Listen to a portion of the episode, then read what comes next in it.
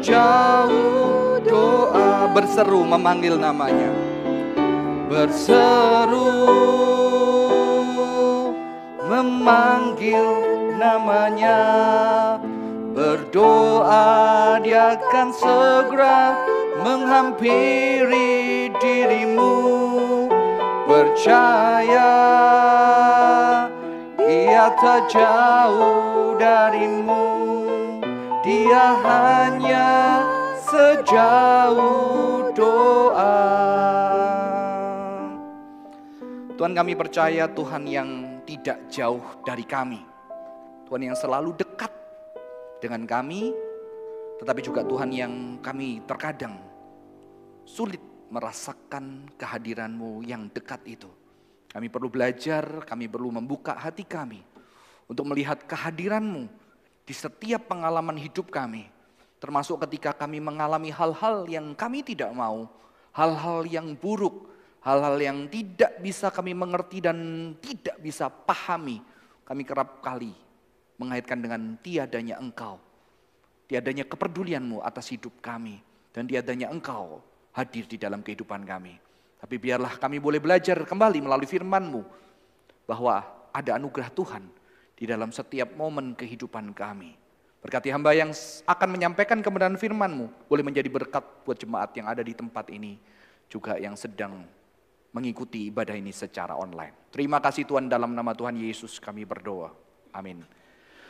Selamat malam Bapak Ibu, rekan-rekan yang di tempat ini dan juga di rumah masing-masing. Hari ini kita berbicara tentang sebuah tema, apakah hidupmu sia-sia? Dan kita akan membuka Alkitab kita pengkhotbah 1 ayat 1 sampai yang ke-18 akan saya akan bacakan buat setiap kita. Pengkhotbah 1 ayat 1 sampai yang ke-18. Inilah perkataan pengkhotbah anak Daud dari Raja Yerusalem. Kesia-siaan belaka kata pengkhotbah, kesia-siaan belaka. Segala sesuatu adalah sia-sia. Apakah gunanya manusia berusaha dengan jerih payah di bawah matahari? Keturunan yang satu pergi dan keturunan yang lain datang, tetapi bumi tetap ada. Matahari terbit, matahari terbenam, lalu terburu-buru menuju tempat ia terbit kembali. Angin bertiup ke selatan lalu berputar ke utara, terus menerus ia berputar dan dalam putarannya angin itu kembali. Semua sungai mengalir ke laut, tetapi laut tidak juga menjadi penuh. Ke mana sungai mengalir, ke situ sungai mengalir selalu. Segala sesuatu menjemukan sehingga tak terkatakan oleh manusia. Mata tidak kenyang melihat, telinga tidak puas mendengar. Apa yang pernah ada akan ada lagi dan apa yang pernah dibuat akan dibuat lagi. Tak ada sesuatu yang baru di bawah matahari. Ada sesuatu yang dapat dikatakan, lihatlah ini baru, tetapi itu sudah ada dulu lama sebelum kita ada. Kenang-kenangan dari masa lampau tidak ada dan dari masa depan yang masih akan datang pun tidak akan ada kenang-kenangan pada mereka yang hidup sesudahnya. Aku pengkhotbah adalah raja atas Israel di Yerusalem. Aku membulatkan hati untuk memeriksa dan menyelidiki dengan hikmat segala yang terjadi di bawah langit. Itu pekerjaan yang menyusahkan yang diberikan Allah kepada anak-anak manusia untuk melelahkan diri Aku telah melihat segala perbuatan yang dilakukan orang di bawah matahari, tetapi lihatlah segala sesuatu adalah kesia-siaan dan usaha menjaring angin. Yang bongkok tak dapat diluruskan dan yang tidak ada tak dapat dihitung. Aku berkata dalam hati, lihatlah aku telah memperbesar dan menambah hikmat lebih daripada semua orang yang memerintah atas Yerusalem sebelum aku. Dan hatiku telah memperoleh banyak hikmat dan pengetahuan Aku telah membulatkan hatiku untuk memahami hikmat dan pengetahuan, kebodohan dan kebebalan. Tetapi aku menyadari bahwa hal ini pun adalah usaha menjaring angin. Karena di dalam banyak hikmat ada banyak susah hati. Dan siapa yang memperbanyak pengetahuan, memperbanyak kesedihan. Ayat yang cukup sedih, kitab yang cukup gelap, tapi Inilah kitab favorit saya di sepanjang seluruh Alkitab Bapak Ibu. Ini adalah kitab yang cukup menyentuh saya ketika saya bertumbuh menjadi orang percaya. Dan ketika mempelajari lebih dalam ada sesuatu yang sangat indah di balik kenyataan penulis daripada pengkhotbah ini berani menuliskan secara jujur segala gelisah dia ketika dia melihat kenyataan di bumi ini dan ketika dia melihat setiap hal yang terjadi dengan pengetahuan yang sangat dalam, pengetahuan yang luar biasa dahsyat, bukan hanya pengetahuan umum tetapi juga pengetahuan teologis yang melihat janji-janji Tuhan. Ada orang-orang yang benar yang katanya diberkati ternyata juga dia melihat banyak orang benar, mati binasa sementara ada orang-orang yang jahat yang justru hidup dengan baik. Di sini dia jujur menelurkan pemikirannya dan mengajarkan kepada orang-orang yang membaca kitab ini. Bapak Ibu rekan-rekan, kita diajarkan sejak muda, sejak kecil untuk dengan pengetahuan kita bagaimana kita mengontrol dan menguasai kehidupan kita. Kita bahkan mencoba memprediksi dan mengantisipasi hal-hal yang terjadi di masa depan agar kita dapat memastikan kehidupan kita aman terkendali. Kita sejak kecil dididik secara pengetahuan Bagaimana menghadapi globalisasi, bagaimana sejak muda di sekolah kita siap mempersiapkan diri kita supaya nanti kita bisa sukses bekerja, tidak sulit mendapatkan pekerjaan. Kita dididik untuk menjadi orang-orang yang kuat, yang memegang kendali dan kontrol atas hidup kita. Sehingga kita berusaha bagaimana kita tidak mendapatkan banyak masalah. Saya bertanya kepada kakak rohani saya, gimana mempersiapkan saya menghadapi masalah-masalah berat di masa depan saya. Dan jawaban kakak rohani saya sangat mengagetkan. Yang namanya masalah ya kamu nggak pernah siap. Betul ya? Kalau kamu siap nggak masalah. Dan apakah kamu bisa hidup tanpa masalah? Karena selalu ada kenyataan sekalipun kamu mempersiapkan semuanya. Ada keadaan yang membuat kamu menyerah dan kamu tidak siap. Itu masalah. Jadi jawabannya adalah kamu tidak pernah bisa menyiapkan dirimu menghadapi masalah. Karena masalah selalu berkata kita tidak siap. Kita terkejut, kita syok. Sekalipun bahkan kita sudah mempersiapkan diri kita untuk masalah tersebut saudara-saudara. Jangankan masalah, kebahagiaan aja ketika datang tiba-tiba kita juga nggak siap. Ya, di rekan anak sing pemuda ada yang bercerita ketika istrinya melahirkan ya, dia sedang menulis surat-surat ketika istrinya di atas mau masuk kamar operasi dan dia sedang menulis surat-surat, tahu-tahu dia sudah dipanggil bahwa bayi udah lahir. Dan ketika di atas dia belum bisa tersenyum, dia belum bisa men memeluk sukacita dan kebahagiaan karena dia perlu waktu. Karena berita baik itu terjadi tiba-tiba. Apalagi ketika berita yang buruk, keadaan yang buruk itu terjadi di dalam hidup kita, kita tidak pernah siap. Bahkan mungkin ketika itu datang, kita tidak bisa menangis. Perasaan kita belum connect dengan realita itu Bapak Ibu dan rekan-rekan. Ya, saya mengingat sekali ketika mama saya meninggal di bulan Januari, saya selalu ketakutan karena saya menyesal sekali hari itu saya tidak bisa pulang ke kota saya. Padahal sudah ada gerakan saya harus pulang, tetapi ternyata saya tidak pulang dan saya tidak mendapatkan waktu untuk berjumpa dengan yang terkasih mama saya.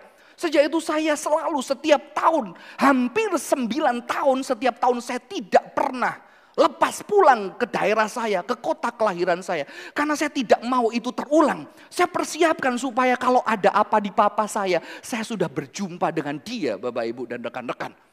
Dan karena sudah ada kendaraan saya bisa pulang. Dan ketika pulang, pulang, pulang, pulang, pulang. Suatu hari udah sembilan tahun tidak terjadi apa-apa. Dan di tahun yang ke sepuluh saya memutuskan menerima pelayanan. Waktu itu harus berkhotbah ke Medan.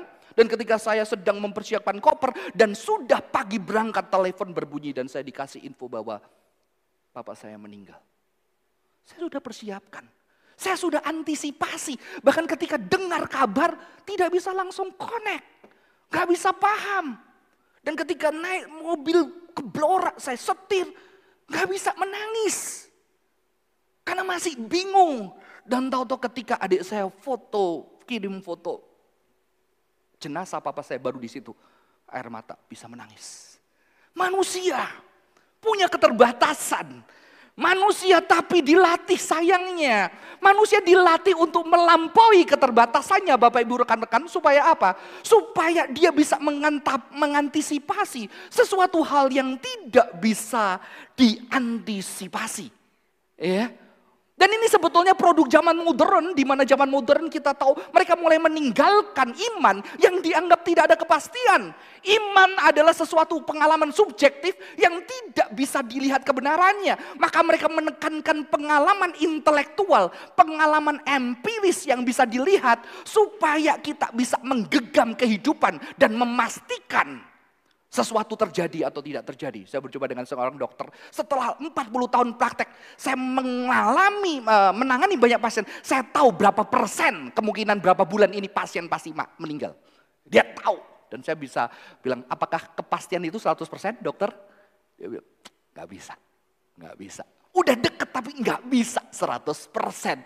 Ya, jadi ini adalah kenyataan hidup, dunia mengajarkan kita untuk menguasai, mengontrol, memegang kehidupan kita.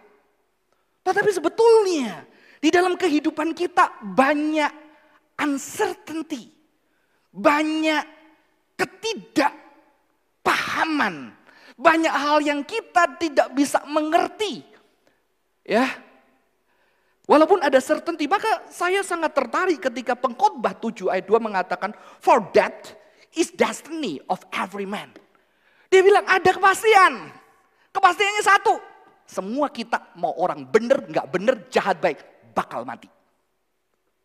Ya. Ada kepastian. Yaitu mati.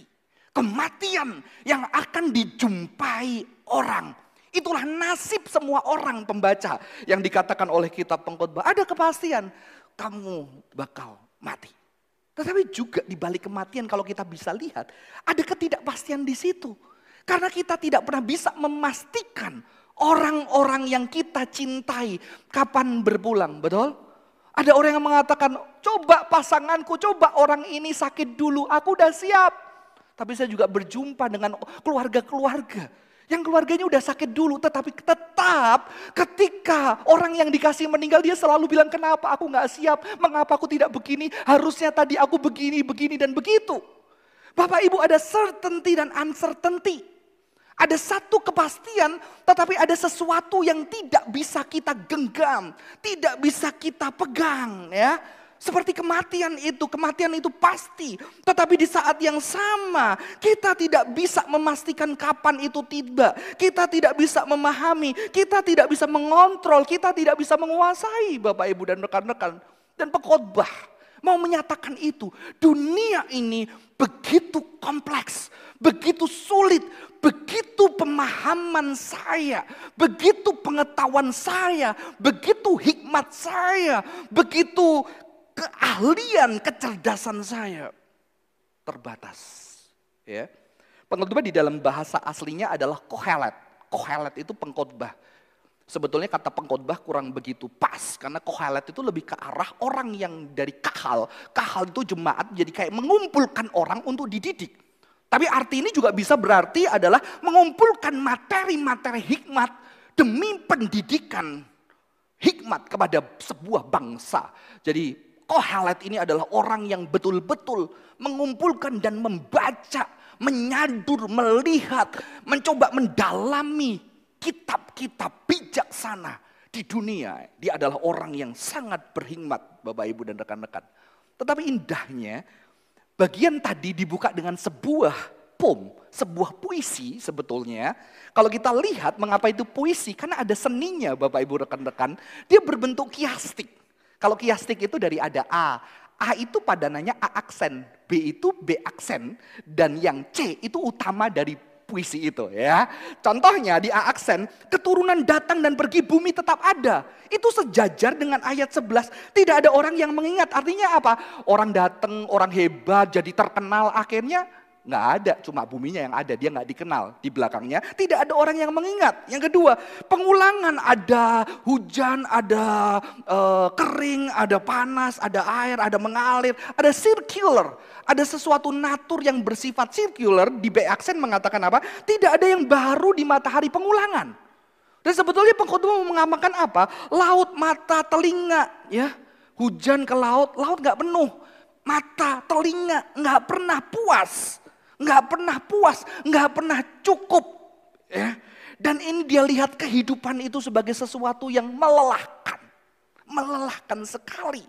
Jadi Bagian ini mau ngomong apa? Usaha kecerdasan kita, kepandaian kita, pemikiran kita untuk mengerti enigma atau teka-teki. Kalau teka-teki itu kurang mantap ya. Kalau enigma, enigma kehidupan itu adalah sebuah hal yang bikin capek. Tapi ya jangan buru-buru ya anak-anak ya udah kalau gitu nggak usah berhikmat aja capek gitu ya. Dia bisa ngomong begitu karena dia menyelidiki hikmat ya. Dia bisa mengatakan membaca banyak buku melelahkan badan, jangan buru-buru. Sudah baca banyak buku belum ya? Sudah cukup membaca hikmat belum? Jadi kalau belum tidak berat mengatakan itu. Paling ya saya mendengar dari orang yang sudah membaca banyak buku, Bapak Ibu rekan-rekan, ya. Dia bisa begini karena dia mengumpulkan dan dia menyelidiki betul dan dia tiba kepada kesimpulan semua usaha manusia untuk memahami kehidupan ini adalah sesuatu yang melelahkan. Melelahkan, bikin capek. Mengapa? Nah, di sini kita mulai menerjemahkan judul kita hari ini adalah apakah hidupmu sia-sia? Bapak Ibu dan rekan-rekan sebetulnya kata sia-sia di sini adalah uh, havel, havel, havel. Ya. Havel itu kurang tepat diterjemahkan dengan sia-sia, ya. Karena dia itu lebih ke arah atau biasanya orang menerjemahkan vanity, vain. Vain itu ah pointless, nggak ada maknanya, meaningless, ya. Itu kurang tepat. Mengapa? Karena kata hebel itu berarti sebetulnya adalah nafas. Cepat. Ya. Nafas atau uap. Dan ini paralel dengan angin angin ya atau ruah, roh, spirit. Ya. Kata hevel ini berarti sesuatu yang cepat tapi nggak kelihatan. Dan ini sebetulnya saya mengikuti seorang penafsir yang bernama Craig Bartholomew. Dia menerjemahkan lebih ke arah bukan sia-sia tetapi enigma. Enigma itu sebuah teka-teki. Kalau teka-teki kayak kita terlalu negatif Indonesia karena teka-teki silang gitu ya. Tapi teka-teki itu sebagai sesuatu masalah berat yang tak terpecahkan, yang sulit sekali dipecahkan. Ya. Jadi apakah hidup saya, anda, hidup Anda bukan sia-sia? Enigma ya. Di dalam hidup kita apakah ada enigma yang kita sulit memahami, sulit comprehend ya. Sulit grasp, grasp itu sulit menggenggam, menguasai secara fisik atau secara intelektual. Kita nggak bisa paham tuh secara fisik atau secara intelektual. Paham aja nggak bisa, apalagi kontrol.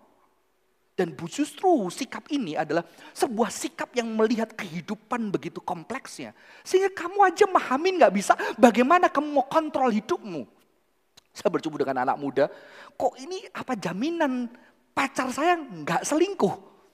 Bisa dipastikan nggak dia nggak selingkuh? Kalau nggak bisa dipastikan, lebih baik kita putus aja di sini. Ya kamu nggak bakal nikah begitu ya. Kamu nggak bakal nikah. Kamu nggak fair. Gimana kamu bisa memastikan manusia? Makanya ada janji untuk setia di dalam susah, duka, ya, sehat, sakit, kaya, miskin. Karena tidak ada kepastian di sana pasangan kita atau orang yang di dekat kita tidak berkhianat kepada kita. Saudara-saudara. Jadi ini berbicara tentang hevel, berbicara tentang enigma. Sesuatu yang kita tidak bisa pegang, kita nggak bisa pahami, kita nggak bisa comprehensible. Bahkan kalau orang Yahudi, kesesiaan dari kesekia, uh, kesia-siaan dari kesia-siaan itu enigma of enigmas. Jadi sebuah enigma dari enigma. Jadi menunjukkan begitu sulitnya. Seperti the holy holiest ya, tempat yang paling kudus dari yang kudus ya. Di sini digunakan sama enigma of enigmas, sebuah hal yang nggak bisa dipahami, nggak bisa dimengerti dari hal-hal yang benar-benar nggak bisa dipahami, nggak bisa dimengerti. Ini yang mau dinyatakan pengkhotbah dan pengkhotbah ini sangat mengerti kitab kejadian. Maka sebetulnya Bapak Ibu rekan-rekan ketika kita berbicara hal ini, kita juga teringat satu nama di dalam kejadian ada yang namanya Habel. Habel. Habel itu adalah anak Adam dan Hawa yang hidupnya sangat singkat seperti nafas. Tetapi selain Habel, kita juga lihat ada satu yang di sana, Cain. Ya. Kalau kita lihat pengkhotbah awal itu ada ada hujan, ada terang, ya semua mengalir. Itu siklus di kejadian kan ada ya, ada terang, ada gelap. Itu siklusnya ada diulang, diulang ya. Karena uh, penulis Kohelet ini mengerti sekali uh, kitab kejadian karena dia juga mengerti Amsal karena kitab kejadian bagian dari Torah Bapak Ibu rekan-rekan. Dan di situ unik karena arti nama Kain itu adalah to get, acquire, to create, ya. mendapatkan, meraih, menciptakan. Di antara anak ada dan mendawa yang satunya itu seperti uap, cepat sekali. Ya, tapi melakukan hal yang benar, yang satunya itu mencapai, meraih, mendapatkan, bahkan menciptakan. Ya, manusia itu cenderung ya dilatih oleh dunia bagaimana kita dapetin, ciptain, buat sesuatu, membuat hidup kita di dalam kontrol kita. Sehingga kita ketika menghadapi ketidakpastian, kita menjadi takut sekali. Kita menjadi tidak biasa. Kita menjadi bingung. Padahal ketidakpastian itu selalu ada di dalam hidup kita. Betul? Kalau kita belajar filsafat banyak tokoh filsuf mengatakan ada kenyataan-kenyataan yang tidak pernah terprediksi dan itu terjadi begitu saja dan itu adalah sebuah future masa depan yang kita tidak pernah akan siap karena selalu mengejutkan kita. Dan ada seorang teolog Kristen mengatakan justru yang selalu mengejutkan yang kita tidak pernah siap di situlah tempat faith hope, love, iman, harap, kasih, hidup dan tumbuh dengan subur. Mengapa dunia tidak beriman? Karena dunia menipu kita dengan kepastian-kepastian yang semu, kepastian-kepastian yang kita bisa pegang sehingga hidup kita, jiwa kita tenang dengan kepandaian, keahlian, kekayaan. Kita bisa pegang semua itu supaya memastikan hidup kita baik besok-besok saja. Apa jaminannya Bapak Ibu? Nggak ada. Nggak ada. Jadi kita sedang diberikan sebuah pegangan yang tidak firm, tidak kuat tentang kepastian itu. Ya. Bapak Ibu rekan-rekan, uh, ada seorang penulis ya ini yang saya cukup referensi. Dia berbicara bahwa something that is hevel cannot be grasped or controlled. Sesuatu yang hevel, enigma itu kita nggak bisa pegang, kita nggak bisa kontrol. Seperti kehidupan kita. Kita nggak bisa pegang, kita nggak bisa kontrol. Banyak kejadian ketika saya melayani dan berjumpa orang, ada satu keluarga yang bertahun-tahun dia sudah punya semua, kekayaan udah punya semua, tapi sulit tidak memiliki keturunan. Ternyata ketika berdoa tahu-tahu mendapatkan keturunan dan keluarga itu bersuka cita, bergembira melihat Tuhan mengasihi mereka. Tapi beberapa tahun kemudian tahu-tahu hamil kembali. Istri dari keluarga itu hamil kembali dan ternyata setelah lahir anak itu tidak disable, dia disable saudara-saudara. Dan di situ tidak ada jawaban. Mereka orang yang setia, mengikut Tuhan, setia, baik, murah hati. Tapi mengapa harus mengalami itu? Kita sampai mati tidak akan mencoba, tidak akan dapat menemukan jawaban-jawaban di dalam enigma kehidupan ini. Dan mungkin saatnya kita berhenti mencari jawaban. Karena jawaban itu kita tidak bisa menemukan. Bahkan mungkin jawaban doktrin adalah sovereignty of God. Tetapi jujur kalau kita menjadi orang-orang yang mengalami pengalaman-pengalaman yang terluka itu. Kalau kita boleh jujur, kita juga terluka dengan jawaban itu, betul? Bukan berarti kita tidak menyangkali sovereignty of God. Tetapi mengapa saya, mengapa aku harus mengalami enigma yang tidak pernah bisa aku pahami. Tetapi ada sesuatu yang unik, maka tidak bisa sia-sia atau meaningless menerjemahkan kata Hevel ini. Karena Bartolomeu mengatakan ini. The wind is real enough, but it cannot be grasped. This does not mean that there is no meaning, but that if there is, it cannot be grasped. Bukan berarti nggak ada makna dalam kehidupan. Kehidupan tetap memiliki makna. Tetapi makna itu tidak bisa kita kuasai. Makna itu selalu jauh dari pemahaman kita. Dan di sinilah kita berhadapan dengan yang namanya mistisisme. Sesuatu yang luar biasa. Sesuatu yang melampaui pikiran kita. Sesuatu yang bahkan doktrin kita bukan tidak penting. Tetapi doktrin kita, pengetahuan kita terbatas untuk memahami dunia yang diciptakan Tuhan. Dengan segala kompleksitasnya. Dan memahami cara kerja Tuhan yang betul-betul melampaui segala kemampuan kita untuk memahami. Saudara-saudara. Orang modern berusaha memahami dengan menerima dengan bisa memahami. Tetapi di zaman postmodern ada orang-orang mulai melihat justru iman yang terbaik. Kadang-kadang ketika kita tidak bisa paham, tapi di situ kita tetap beriman di tengah segala ketidakmampuan kita memahami. Cinta yang terbaik adalah ketika kita tahu banyak hal buruk dari anak kita, keluarga kita, orang tua kita, sahabat kita, dan kita marah, kita kecewa, kita tidak suka, tetapi cinta kita tidak pernah lepas dari orang itu. Dan itulah cinta yang terbesar, Bapak Ibu dan rekan-rekan. Ya. Bapak Ibu dan rekan-rekan ada seorang penulis yang bernama Viktor Frankl. Dia tahanan Nazi, dia menuliskan satu buku dan dia meneliti bagaimana orang-orang di kamp konsentrasi itu bisa meninggal dan dia termasuk yang bertahan dan dia punya kesimpulan bahwa di dalam krisis orang itu mencoba mencari makna dan makna inilah yang membuat orang itu kuat menjalani pengalaman-pengalaman hidup. Jadi saya melihat Frankl masih di dalam zaman modern yang berusaha Bagaimana alasan aku hidup? Aku harus tahu makna hidupku. Aku harus tahu makna di balik kenyataan ini. Contohnya ini mungkin membuat aku kuat untuk aku akhirnya bisa melayani orang lain. Ini membuat aku uh, sedang menanti ada istriku yang mungkin menunggu di tempat camp konsentrasi lain yang suatu hari kita berjumpa. Jadi dia perlu punya alasan yang bisa dimengerti dengan pengetahuan dia untuk membuat dia bisa bertahan menghadapi penderitaan hidup. Bapak Ibu. Dan itu juga dimunculkan seorang uh, psikolog yang bernama Carl Jung. Carl Jung mengatakan makanya perlu agama karena agama sebetulnya bisa menyembuhkan jiwa ketika orang-orang menghadapi kesulitan karena dia memberikan makna, memberikan makna yang bisa dipahami oleh orang-orang. Ya, jadi dua penulis ini karena dia produk zaman modern, dia masih berusaha dengan pengetahuannya bagaimana menemukan makna hidup, sehingga makna hidup itu bisa membuat dia bertahan, mengalami kesulitan, mengalami kejahatan yang mereka tidak bisa pahami di dalam kehidupan. Tapi makna itu menjadi jangkar dan pegangannya.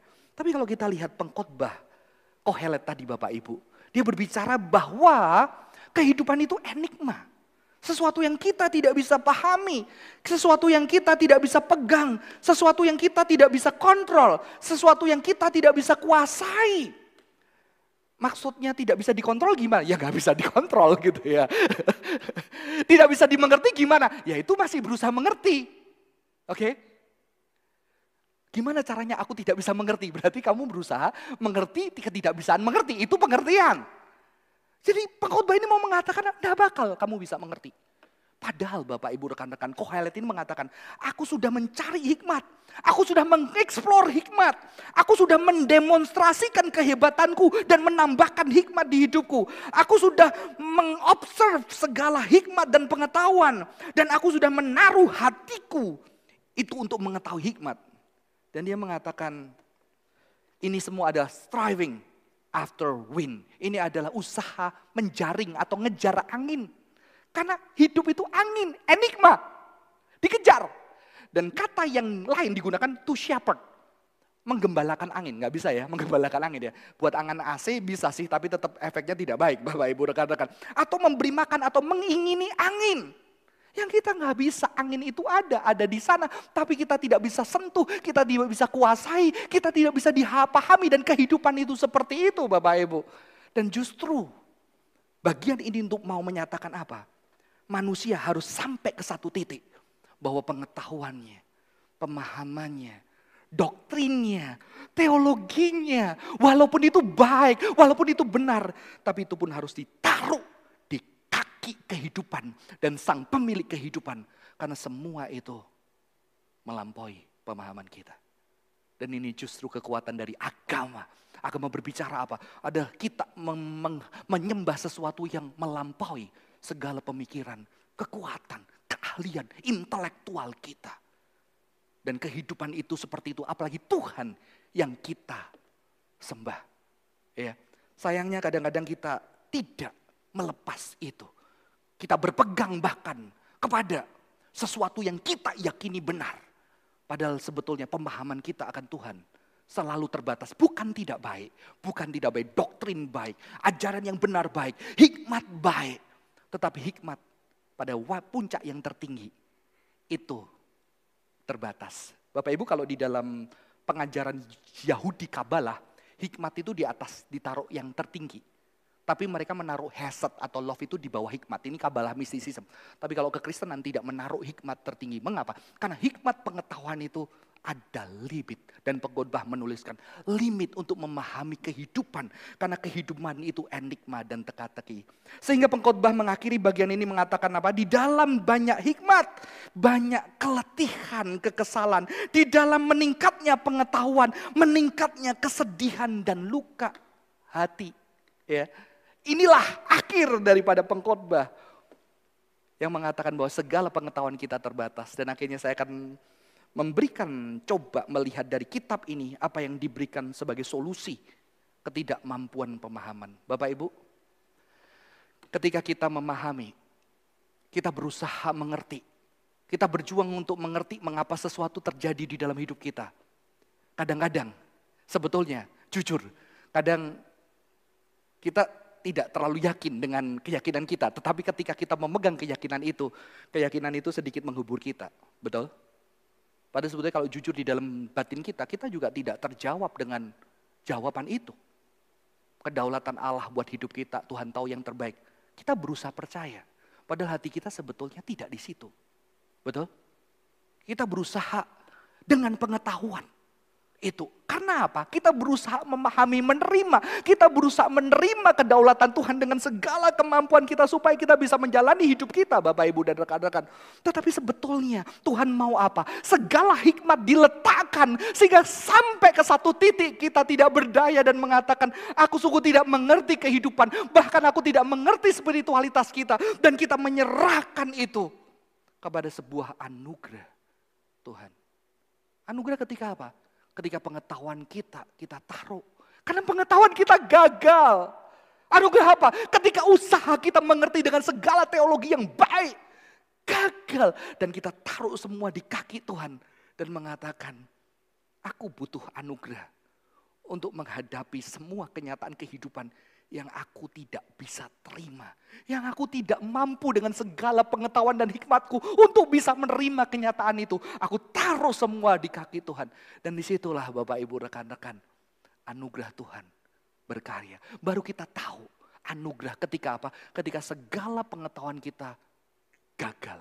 Segala kecerdasan kita gagal. Segala kehebatan kita gagal. Segala kekuatan kita gagal. Maka kadang-kadang di dalam spiritualitas kita sampai ke taraf itu ya. Ketika relasi kita sama orang lain tidak bisa kita andalkan. Ketika kekayaan kita, kita sudah tidak bisa taruh lagi. Ketika kepandian kita tidak ada. Dan kita datang kepada Tuhan dengan sebuah lutut bertelut. Tuhan, tolong. Tuhan, tolong aku. Ya. Tapi pengkhotbah memiliki jawaban yang indah ketika kita tidak bisa melihat kehidupan ini dengan memahami kehidupan ini, dia melihat jawaban ayat-ayat berikut. Tidak masalah hidupmu penuh dengan enigma ya tadi. Apakah hidupmu sia-sia? Saya ganti. Apakah hidupmu penuh dengan enigma? Apakah kehidupan ini penuh enigma? Tidak masalah Hidup ini penuh dengan enigma. Karena apa? Ada ayat ini Bapak Ibu. Nikmatilah hidup dengan istri yang kau kasih seumur hidupmu yang enigmatik, yang sia-sia. Yang dikaruniakan Tuhan kepadamu di bawah matahari. Jadi ada satu kehidupan yang dikaruniakan Tuhan yang matahari yang enigma. Memang enigma. Nggak tahu solusinya. Karena itulah bahagiamu dalam hidup dan usaha yang engkau lakukan dengan jeripayah di bawah matahari. Jadi ternyata di tengah pengkhotbah ini Tuhan bilang apa melalui pengkhotbah? Nikmati hidup dengan istri yang kau kasih ini berbicara apa? Joy and love. Joy and love. Bapak Ibu ini foto pertama keluarga saya yang diambil oleh profesional fotografer uh, dan profesional fotografer itu adik bimbing saya yang di Bali gitu ya. Karena dia dia bukan seorang Kristen, dia agnostik tapi kalau dia ada masalah dia telepon saya. Dia masih bergumul tentang Tuhan. Dan saya suka dia karena ketika dia mengambil, dia tidak suruh kita pose, ayo mainan, ayo hadapkan tidak. Activity aja. Dan dia menangkap setiap momen yang saya baru sadar. Indah juga ya, saya tidak bisa lihat itu ketika di. Oh baru kelihatan, karena itu ekspresi yang spontan, spontaneous.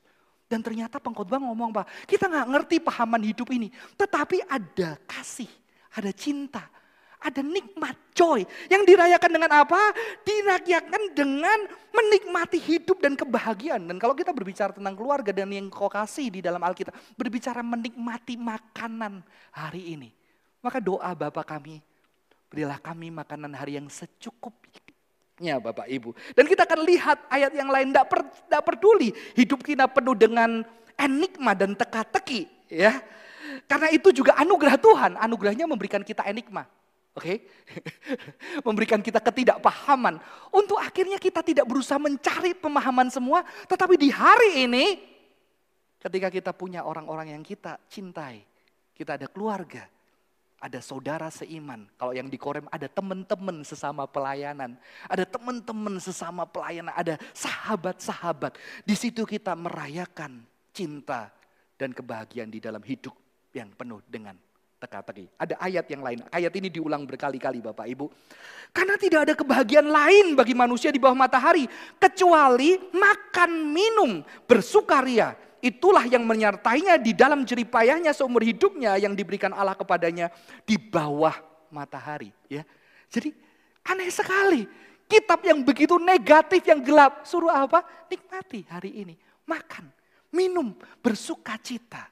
Bapak Ibu berbicara tentang makan minum. Di Alkitab makan minum bersama dengan orang-orang yang kamu kasih. Makan minum berbicara sesuatu tentang kesalehan, tentang kehidupan, tentang perayaan. Bahkan nanti perjamuan anak domba terakhir digambarkan dengan pesta dan makan dan minum. Dan kejadian digambarkan dengan makan dan minum buah. apa Buah dan air yang segar yang Tuhan sediakan. Ini adalah sebuah merayakan kehidupan yang mungkin kita tidak bisa memegang 7, 10, 80 tahun ke, ke depan. Tetapi kita hanya bisa hari ini ada sahabat, ada keluarga, ada saudara seiman. Kita bersuka cita, kita menikmati berkat Tuhan. Mengapa? Karena 20 tahun ke depan juga hari ini, betul? Betul? Banyak orang berusaha. Nanti aku akan bersiapkan untuk keluargaku kaya raya. Aku akan punya tabungan banyak. Untuk supaya anakku berbahagia, berbahagia 10 tahun lagi. Setelah 10 tahun dia udah lupa cara berbahagia Bapak Ibu. Karena dia tidak melatih setiap harinya menikmati dan kebahagiaan itu. Dan bagian yang terakhir, tidak peduli masalah dan kehidupan kita penuh dengan enigma. Bahkan Tuhan mengatakan ini. Dan bahwa setiap orang dapat makan dan minum menikmati kesenangan dalam segala jerih payahnya, itu adalah pemberian Allah. Jadi ternyata di dalam kehidupan enigma yang tidak bisa kita mengerti, di dalam makan dan minum hal yang sehari-hari sederhana ada anugerah Tuhan, yaitu anugerah apa? Sukacita dan cinta. Sukacita dan cinta. Dan di sini saya menghargai saya punya teman-teman kalau makan dan minum bareng, kita bisa dua jam, tiga jam, lupa waktu. Seolah-olah kita ada di dalam waktu itu. Ada seorang teolog yang mengatakan, ketika kita ada di dalam waktu sampai kita sudah lupa dengan waktu, kita sedang mencicipi kekekalan. Karena di dalam kekekalan kita sudah tidak ada namanya waktu, Bapak Ibu dan rekan-rekan. Dan itu adalah sukacita terbesar. Jadi ketika kita melihat kehidupan yang tidak bisa terkomprehensi, yang tidak bisa kita kuasai dan tidak bisa dikontrol. Mari kita di dalam takut akan Tuhan melihat setiap hari ada anugerah kecil melalui makan, minum, tertawa bersama dengan siapa? Bersama dengan orang-orang yang Tuhan anugerahkan di dekat kita, anak kita, karyawan kita, tetangga kita, kita makan bersama-sama, sahabat kita, dan kita membagikan sukacita di dalam dunia yang tidak terpahami ini. Di dalam takut akan Tuhan, di situ kita akan merasakan anugerah Tuhan yang besar. Menjalani hidup yang penuh dengan hal-hal yang tidak bisa kita selesaikan. Maka saya tidak heran ketika Yesus di bumi ini, dia banyak berkumpul, makan, bersuka cita bersama dengan murid-murid. Bahkan sebelum mati pun dia mengakhiri dengan makan perjamuan bersama. Dan perintah yang harus dilakukan orang Kristen adalah perjamuan kudus, makan bersama sesering mungkin roti tubuh Kristus untuk mengingat kehadiran Kristus yang nyata di tengah penderitaan hidup manusia. Mari kita bersatu hati dalam doa. Tuhan bersyukur buat segala hikmat, pengetahuan, kecerdasan yang kau anugerahkan kepada kami. Tetapi juga kecerdasan pengetahuan kami mempunyai batas dan suatu hari kami harus taruh itu di bawah kaki Tuhan. Untuk berlutut di hadapan Tuhan dan mengatakan segala kemampuan, kekuatan, kehebatan, kecerdasan kami terbatas memahami karya agungmu di bumi. Sehingga kami bersujud meminta anugerah Tuhan untuk boleh berbicara kepada kami ke dalam setiap hal. Beranugerah untuk kami bisa melihat anugerah sukacita dan cinta yang Tuhan anugerahkan di dalam keseharian kami. Melalui sahabat, mulai teman, mulai keluarga, orang tua, anak kami, rekan kerja, karyawan, atasan kami. Kami melihat anugerah cinta dan kebahagiaan yang Tuhan anugerahkan untuk kami boleh cercap.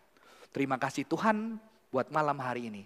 Kiranya kami boleh hidup sekalipun penuh dengan enigma, tapi cinta, kasih, anugerah Tuhan nyata dan kami rayakan sebagai orang yang percaya kepada Engkau.